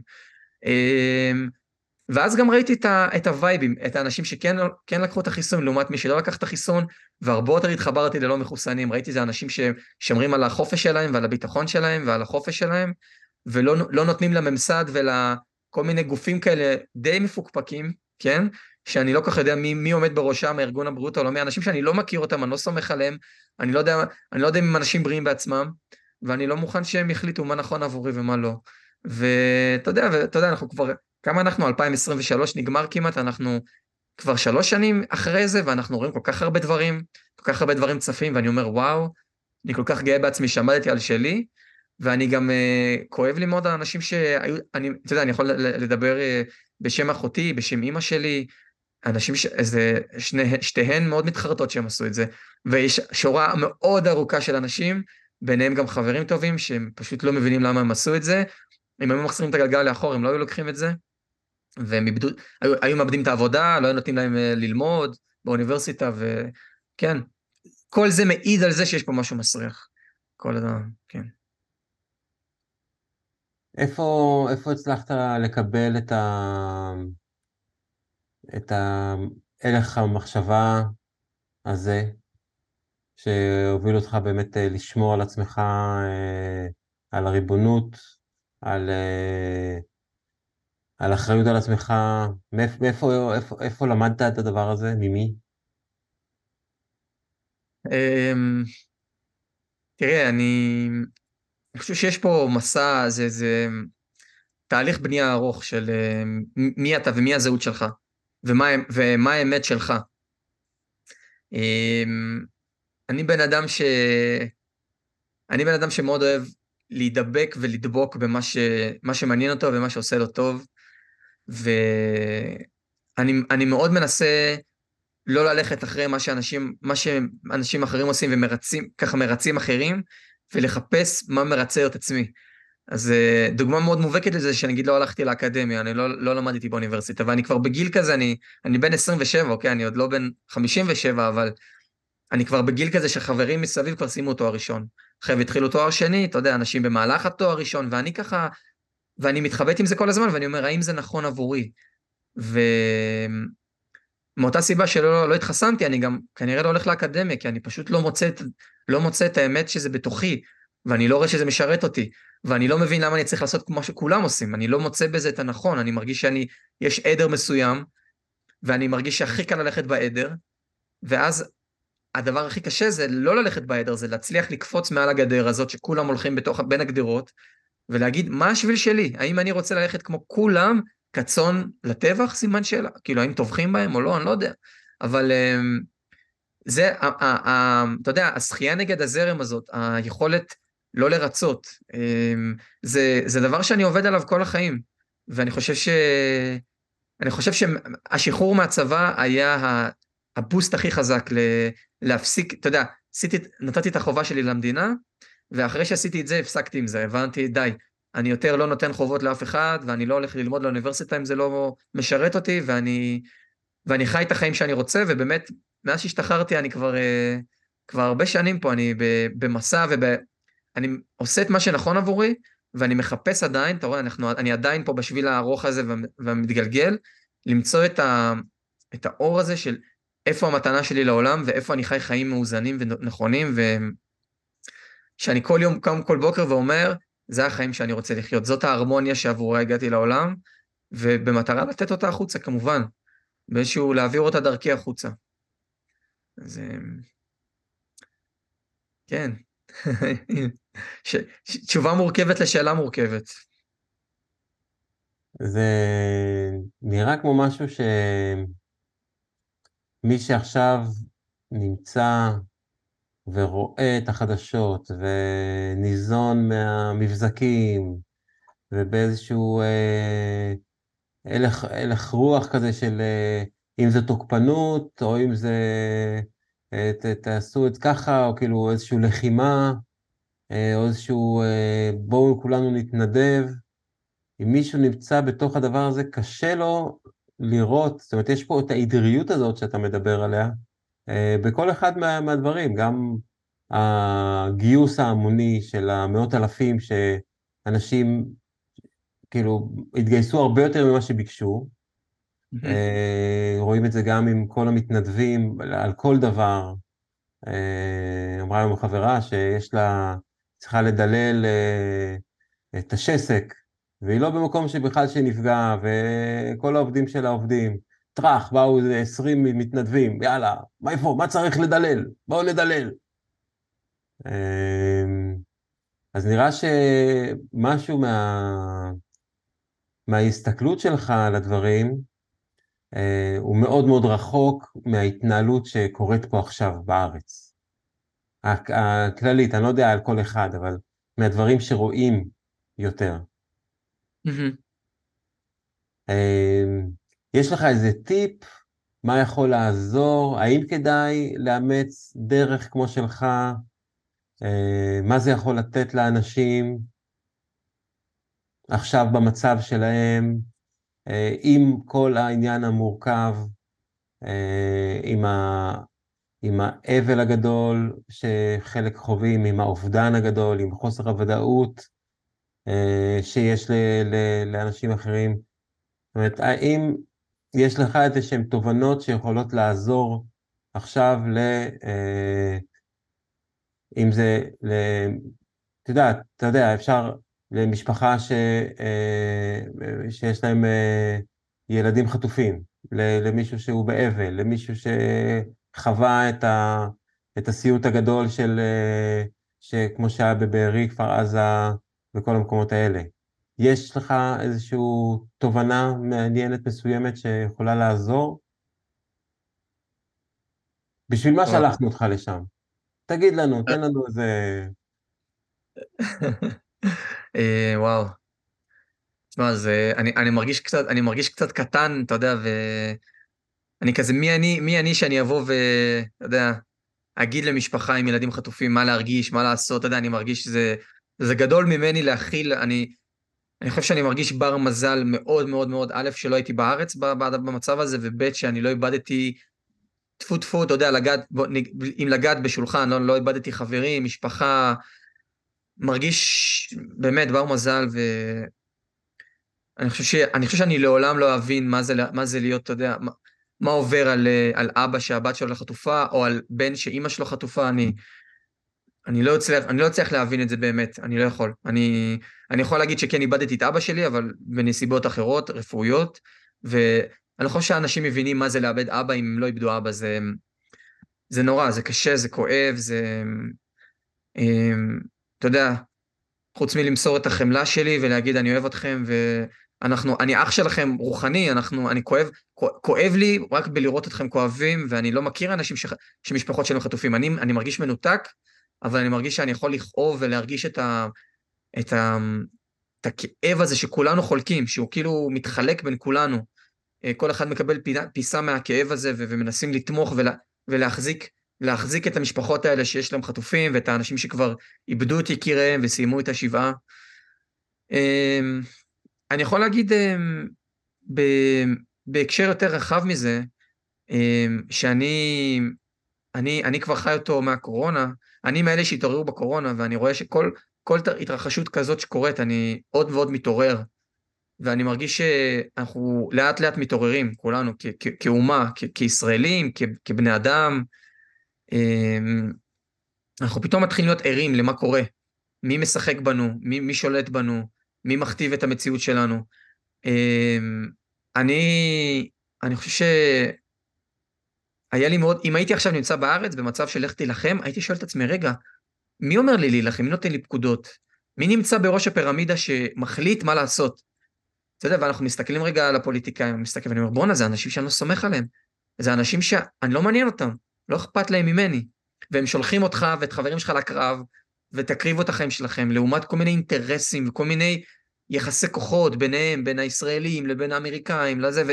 ואני אומר, רגע, רגע, אבל האם, האם, זה, האם זה משרת אותי? והם מוכ... יכולים להגיד לך, אנחנו, אנחנו מוכרים, מוכרים לך את זה כזה, זה עכשיו אה, מלחמת הישרדות, וזה להגן, ואני לא, אני לא, אני לא אומר שזה לא נכון, אבל um, יש פה כל מיני, אני מרגיש שיש כל מיני אינטרסים וכל מיני דברים מעלינו, שמכתיבים לנו, ומשחקים בנו, ואנחנו מקריבים את החיים שלנו. ואותם משפחות שאיבדו את יקיריהם במסיבה, או אתה יודע, אנשים של ניר עוז, זה אנשים שחיו בצל מפלצת, בצל מפלצת שהזינו אותה כל כך הרבה שנים, וקפצה מעל הגדר. ואני אומר, בוא, ואני שואל את עצמי, בואנה, כאילו, מי, מי עומד מאחורי זה? מי ה... איך זה ייתכן, איך זה ייתכן שדברים כאלה קורים? ובעצם השורה התחתונה היא זה שיש פה התעוררות. יש פה מי שמשחק בנו, יש פה דברים שקורים מתחת לפני השטח, ו... והתפרצו, זה לא, זה לא צונאמי שנפל על ישראל, ווואו, אין מה לעשות, אלא זה משהו שהתבשל, זה צפרדע שהייתה בתוך הסיר, והיה לה חם, ואתה יודע, והעלו את הטמפרטורה, והצפרדע מתה, ואנחנו, אנחנו, הכל התנקס לשביעי לאוקטובר. ואז אני, אני שם לב לאנשים שפתאום מתחילים אה, לפקפק במקבלי ההחלטות, מפקפקים במערכות המדינה, רואים שהן קורסות, ואנחנו שמים לב שנתנו את כל הכוח שלנו למערכות האלה, וכשאז המערכות האלה נופלות בפעם אחת, בבת אחת, ואנחנו האזרחים הם אלה שקמים ו- ו- ומחברים את כל מה שנשבר, בין אם זה כל המתנדבים, ואלה שעכשיו אה, מכסים על כל התאילנדים, ו- וגם כל הלוחמים שהלב שלי איתם, הם עכשיו הולכים ואתה יודע, ועושים בעזה מה שיכולנו לעשות הרבה הרבה, הרבה קודם, אבל, אבל הכנו את המפלצת עד לרגע שהמפלצת הזאת אכלה אותנו כמעט. אז אמ, אני, אני מזמין את כל מי שמוכן וכל מי שמרגיש שזה הזמן בשבילו להתעורר, להתחיל להבין, להתחיל לחקור מה קורה פה, מה, איפה אנחנו חיים, מי, מי משחק בנו, מה, מה הכוחות הגדולים, מה הכוחות הבינוניים, איזה כוחות יש מעל למדינה שלנו, שגם כן מכתיבים לנו, אם זה האימפריות וכל מיני מעצמות, ובסוף אנחנו האזרחים הקטנים, אנחנו החיילים בשחמט שנאכלים קודם. וצריך, וצריך להחזיר את הכוח לחיילים הקטנים. אנחנו צריכים, אנחנו צריכים כל, כל אחד עם עצמו להבין שיש בנו כוח, ואנחנו יכולים ביחד פשוט לבטל אותם. לא לתת, לא לתת כוח למושחתים האלה שהם משחקים בנו. כן. אני חושב שיש לך, ניחנת באיזושהי יכולת להבין שהמצב הולך אה, להידרדר, ואז פשוט אה, להחליט לא להיות שם, כמו שקרה לך באוסטרליה. ועכשיו אתה רואה את זה על מה שקורה בישראל. אה, המשפחה שלך שם, פה. אתה כן. אומר להם משהו? אתה מנסה להגיד להם, תשמעו, אני הבנתי פה משהו, נראה לי שכדאי שתבואו גם? או, או איפה זה עומד? אמ, כן, אני בשיחות עם המשפחה, אה, אח שלי, האמת, יצא לאירופה, גם לא תקופה קצרה או ארוכה, זה תלוי בו. אחותי, אחותי גם כן בשלבים כאלה, ואני אני, אני אומר לה, תראי, אני חושב שהדבר הזה ילך ויחמיר. אה, אתה יודע, האנשים עצמם בתקשורת אומרים שזה הולך להמשיך. אה, אני אמרתי לה, אני אמרתי לה דעתי, אמרתי לה, אם את לא יכולה להיות חלק פעיל מזה, אם את לא מתנדבת באיזה עמותה שכאילו עם המשפחות, או אם את, אם את לא חלק מה, מהמצב המלחמתי הזה, באיזושהי קונסטלציה, תצאי מזה, תצאי, תצאי מה, מה, מהסצנה. אמרתי לה, תבואי, תבואי אליי, תבואי לאיפה שאני נמצא, תטוסי למדינה אחרת. הדעה שלי היא כאילו, אם, אם אני לא חלק פעיל שמה, אז אני, אז אני בחוץ. אני לא על הגדר, לא להיות בין לבין. אה, וכן, אני כן תומך, אני כן תומך באחותי לצאת, ואני חושב שאימא שלי גם די, די אמרה שהיא תלך בעקבותיה, או תלך למדינה אחרת, אבל תראה, זה, זה לא אמירה של אה, בוא נרד מהארץ ויאללה, אה, אתה יודע, אתה יודע, נזרוק גפרור, כאילו נדליק את מה שיש מאחורינו ונברח, כאילו זה, זה קצת מצב של העניינים מאוד מאוד בחרבנה.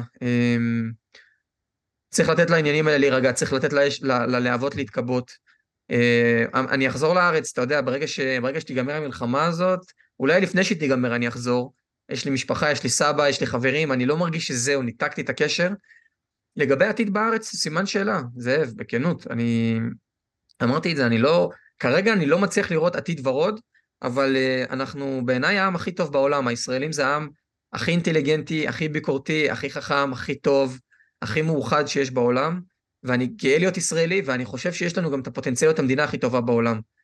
פשוט אנחנו מנוהלים, והרשויות שלנו מחזיקות אותנו קצר, הן פשוט אה, לוקחות מאיתנו המון המון חופש, ו, ודי, פשוט, פשוט אה, לוקחות מאיתנו את הכוח. ואני מאמין שיכול להיות שהדבר הזה זה איזושהי התעוררות עכשיו, שתחזיר את הכוח, ואנחנו נוכל אולי ליצור מציאות אחרת במדינה, ולהפוך אותנו למדינה הכי משגשגת, הכי חזקה, והכי לא מושחתת בעולם. אמ, וזה הרגע שבו אני ארגיש, או, זה הזמן לגור בישראל. זה, זה, זה הרגע שאני ממש, אני, אני רוצה לחזור, אני מחכה, אני רק רוצה לעלות על המטוס הבא.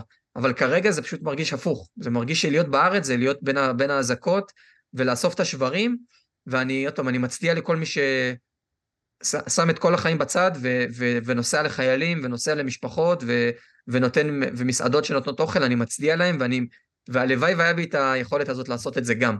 הלוואי והייתי, היה לי את, ה, את הנכונות הזאת, אבל כרגע הנכונות שלי היא במקום אחר. אמ, וכן, ובתפילה, בתפילה לגדל את הילדים בארץ, בתפילה לחיות בקהילה בארץ, באינשאללה ש...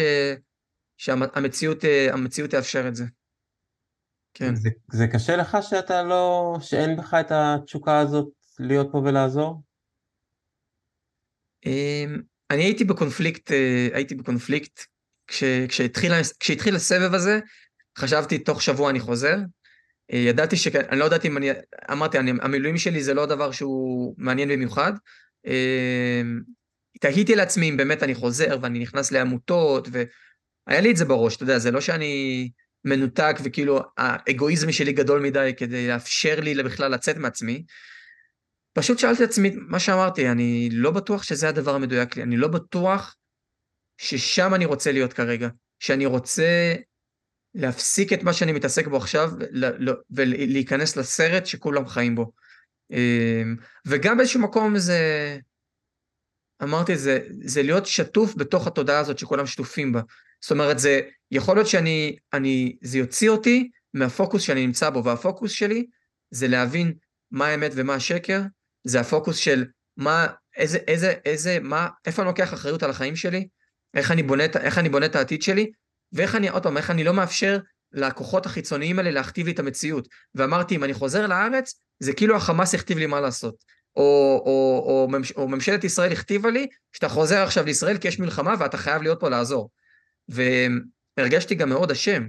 הרגשתי, הייתי פה חודש בערך, אני כבר פחות מרגיש אשם, הייתי פה חודש מתחושה של אני אשם. זה בגללי, אני לא בארץ עכשיו, אה, אני לא עוזר לאחים ואחיות שלי, אה, אני חלק, מהמצ... אני חלק מהטבח הזה, באמת, הרגשתי אשם. ואז פשוט שיניתי משהו בראש, אמרתי, אני לא אשם. ו...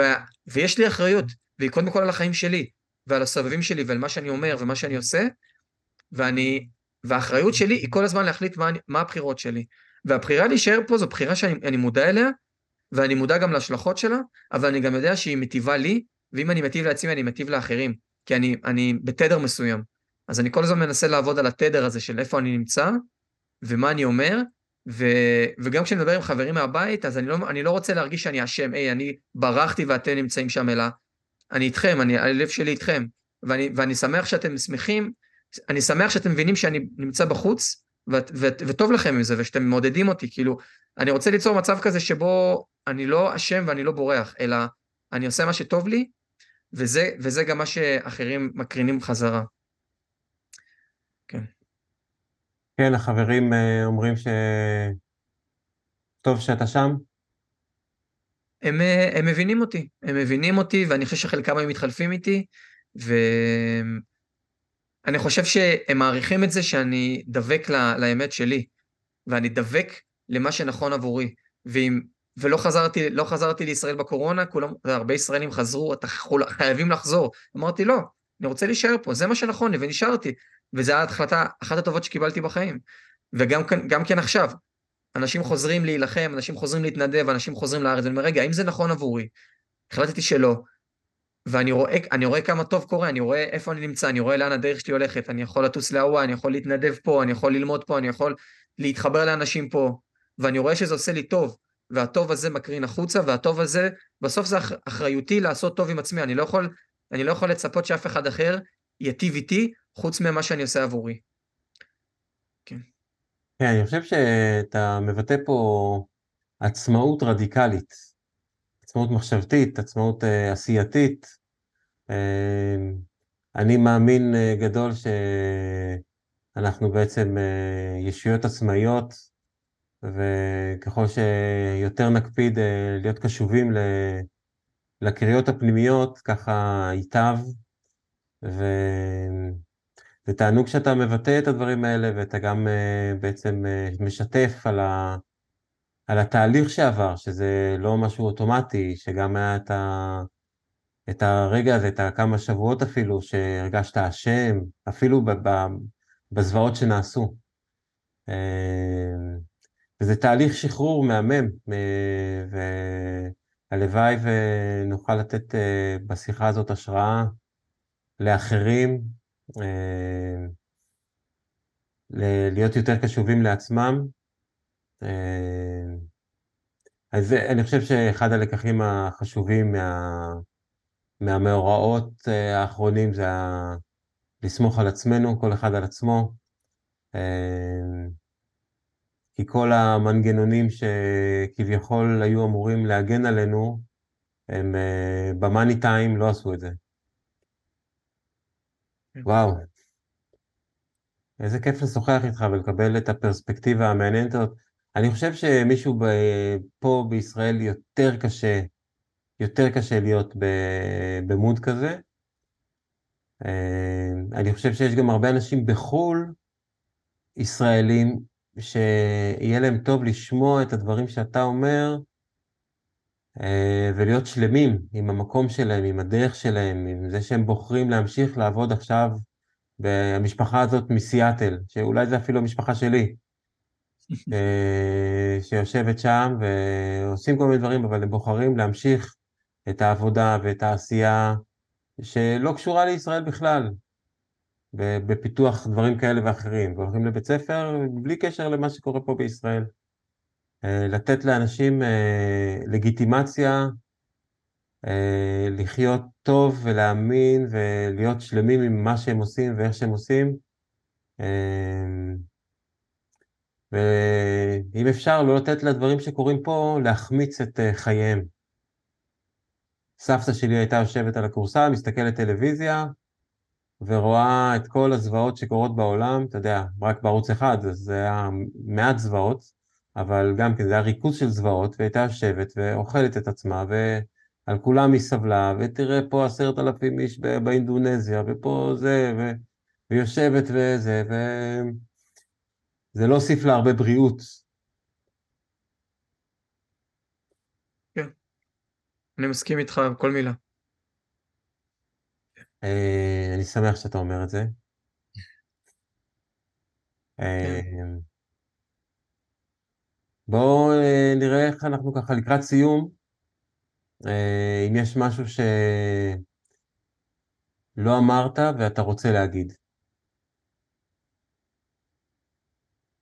אמ, אני חושב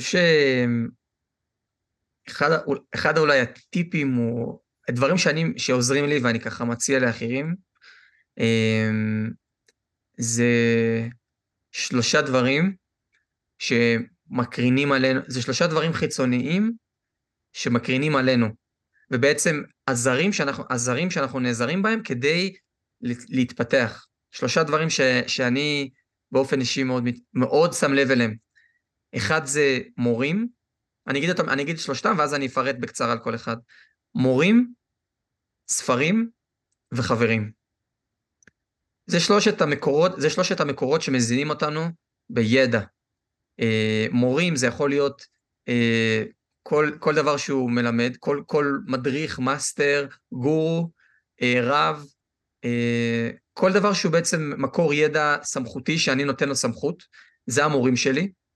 אז אה, אני מקפיד מאוד על מי המורים שלי, איזה אנשים אני מקשיב להם, שהם אנשים עם, uh, עם, עם צלילות הדעת, אנשים שהם נדבקים לאמת, אנשים שהם כולם, כול, כולם טוב ורצון לתת, וזה אנשים שנותנים לי את הכוח. הם, הם, הם מלמדים אותי איך, איך אני מתחזק, לא איך אני נהיה תלוי בהם ולא איך, אה, איך אני קטן לעומתם, אלא איפה הכוח שלי חוזר אל עצמי. אז אות, אותם אנשים אני מחפש ואני מקשיב להם, והם מעצימים ונותנים לי כוח וידע ומשאירים אותי בתכנים שלהם. זה המורים שלי. ספרים זה, זה, זה בדרך כלל דבר קשיח, זה יכול להיות ספר, זה יכול גם להיות אינטרנט, זה יכול להיות פודקאסט. ספר זה כן, זה איזשהו מונח כללי למקור ידע שאני קורא אותו או רואה אותו, סרטים שאני רואה, וגם כן, איזה סרטים אני רואה, איזה, ספר, איזה ספרים אני קורא, איזה פודקאסטים אני קורא, אז שוב פעם, לדעת לברור ולדעת לבחור בין אה, פודקאסטים שהם שטותיים ומשעממים לבין פודקאסטים מאוד מעניינים, פודקאסטים שהם מצונזרים לפעמים, או שלא מדברים עליהם במיינסטרים, או כל מיני סרטים כאלה שמתחבאים ונותנים כל מיני סודות כאלה, זה גם דברים שנחשפתי אליהם, מעניינים מאוד. אז לחפש את הדברים האלה שמעניינים אותך, שישברו לך סטיגמות, ושלאו דווקא ילכו עם המיינסטרים. אז זה, זה הספרים, וחברים, זה האנשים. זה מה... בסוף אנחנו, גם, זה גם כן למדתי מאיזשהו בן אדם שאני לומד ממנו, הוא אומר, אנחנו ספוג, אנחנו, אנחנו בעצם כל הזמן אה, מקרינים החוצה את מי, ש, מי שסביבנו. אז אה, מי החברים שלך? מי, מי, מי מקיף אותך? אה, עם מי אתה מבלה יותר זמן? יכול להיות גם בני משפחה, איזה מבני המשפחה שלך תורמים לך יותר? או מי, מי, מי מוריד אותך? מי מוריד לך את האנרגיה? אז גם כן לדעת לברור. יש חברים שכבר לא חברים שלי, יש אנשים שגדלתי איתם, הייתי איתם בתיכון, והיו חברים שלי בצבא, ואני כבר לא, אני לא בקשר איתם, כי הרגעתי שהתדר שלי יורד, ואני לא נתרע מזה, ואני לא, זה לא טוב לי. ולעומתם, אנשים שהכרתי כזה בשביל, או אנשים חדשים שהכרתי בטיולים, ואני רק מנסה לדבוק אליהם, ואני מנסה להיאחז אליהם, ו, ולעלות איתם למעלה, וללמוד מהם ולבלות איתם. אז uh, הטיפים שלי זה באמת לדעת לברור, ולדעת לחדד ו- ולכוונן את uh, שלושת הדברים האלה, אמ, וכן, כל הזמן ל- ללמוד ולהאזין ולקחת אחריות וריבונות, ולהבין שהישוע לא בחוץ, הישוע בפנים, הישוע אצלנו בתודעה, ולהפסיק להסתכל החוצה, וכל הזמן להחזיר את המבט פנימה, ולהבין, אני אחראי בלעדי לגורל שלי. אני. זה הכל הכל, הכל אצלי בראש. הכל הכל הכל הכל. דברים חשובים וטובים. אולי יש לך איזה חבר או חברה שאתה חושב שיהיה מגניב שהם uh, ישתתפו בפודקאסט? הגמשת מסגרות חשיבה? Uh, כן, האמת, uh, זרק, זרקתי את השם שלו לאוויר, אז קוראים לו אבי, uh, או בכינוי שלו לבלוב. Uh, אבי זה בחור שהייתי איתו בטיול הקטים הראשון שלי כשהייתי בן 18.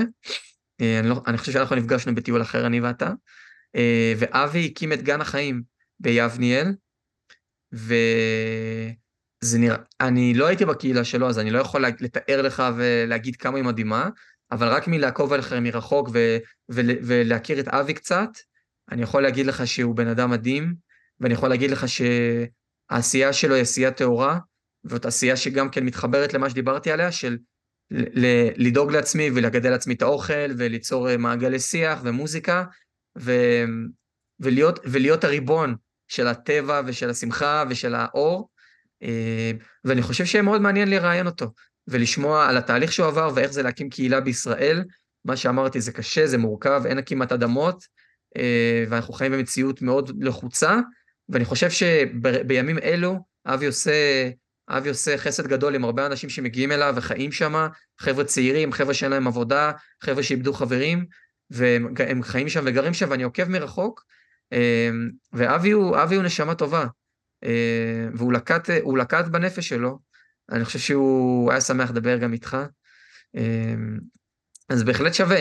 אנחנו לא חברים קרובים, אבל אני, אני מכיר אותו, ואני חושב שהוא ישמח לשתף ולהפיץ לה, לאחרים כמה שיותר על העשייה שלו.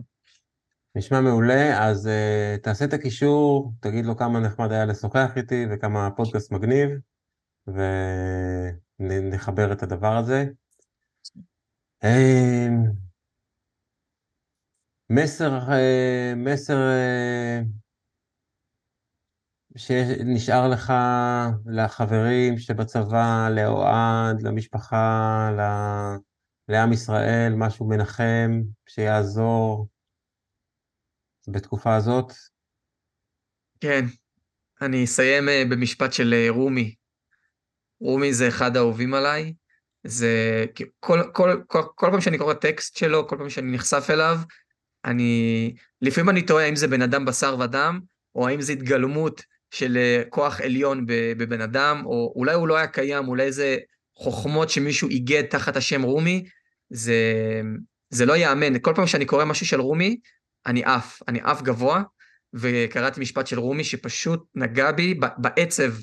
הוא אמר, אם הכל מרגיש חשוך מסביב, אם אתה, אם אתה חושב שהכל חשוך, יכול להיות שאתה האור. אה, ובעצם תחשוב, כן, מנורה אחת מדליקה אור בתוך חדר חשוך, והמנורה חושבת שהכל חשוך. היא לא מבינה, אני, אין פה, אני לא רואה כלום, כן, אור, הכל, הכל חושך. את, את האור, את מפיצה את האור. אז אה, זהו משפט של רומי, ואני חושב שהוא יכול מאוד לעזור למי שמרגיש שהכל חושך, והפוליטיקאים, אנחנו אבודים בגללם, והחמאסניקים, ועזה, ו... ואנחנו באבדון, ואני הרבה פעמים מצליח, אני הרבה פעמים מרגיש שאני נכנס לתוך הסרטים האלה והספירלות האלה של הכל אבוד, הכל הלך, זהו, המדינה הלכה, אין עתיד, זהו, נגמר. ופשוט לזכור, אולי, אולי אני האור בתוך החושך, ואיך אני יכול להקרין החוצה ולהאיר. אמ, ואני חושב שכולנו אור, אורות קטנים כאלה בתוך היקום החשוך הזה, כמו כוכבים, ואנחנו מאירים אותו, ואפשר ללכת לפעמים החוצה ולראות אור כוכבים כשאין ירח. הכוכבים הקטנים האלה מאירים.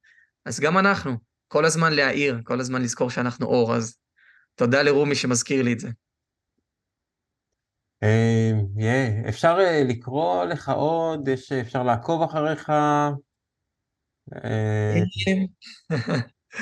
אני, אני לא כל כך בן אדם של אה, רשתות חברתיות. באוסטרליה הייתי מעלה פוסטים, תמונות, רשמים. גם במהלך השביל עשיתי קצת, אז מי שמאוד רוצה יכול לשלוח לי בקשת חברות. אולי עדיף גם לשלוח לי הודעה ולהגיד, היי, שמעתי את הפודקאסט, אשמח להתחבר. אמ, אני לא, אין לי אינסטגרם, אין לי טיק טוקים, אני לא, אני לא, בכוח, לא, לא בתוך זה. אמ, אבל אני כן אשמח, מי שירצה ללמוד על השביל, או מי שירצה לדבר איתי באופן כללי, או מי שירצה לשתף, או מי שירצה, אז אה, אפשר דרך הפייסבוק, אה, אריק ציפקין באנגלית, אמ, ואפשר לשלוח הודעה ואני מסתכל ואני עונה. ואני אשמח, אני אשמח לכל מי שרוצה ופתוח לשיחה וללמוד מי המורים שאני נעזר בהם, או איזה ספרים אני קורא, או איזה חברים, כן, גם זה יכול לעזור, אז אני אשמח לשתף לכל המאזינים.